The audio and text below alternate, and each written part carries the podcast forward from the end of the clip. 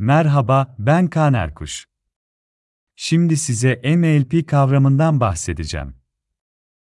MLP, Minimum Lovable Product, hedef kullanıcı memnuniyetinin, ürünün çıkış aşamasında maksimum seviyede tutularak pazara sunulabilecek minimum versiyonudur. En önemli nokta deneyim olduğu için burada asıl amaç, tüketici sadakatini kaybetmemek ve müşteri ihtiyaçlarının ötesinde müşteri memnuniyetinin ön planda tutularak ortaya çıkarılan üründür. Önceki bölümde de bahsettiğim MVP'den MLP'nin farklarına bakalım. MVP'de tüketicinin talebini minimum düzeyde karşılamak yeterliyken, MLP'de memnun kalacağı minimum ürünü sunmak yeterlidir.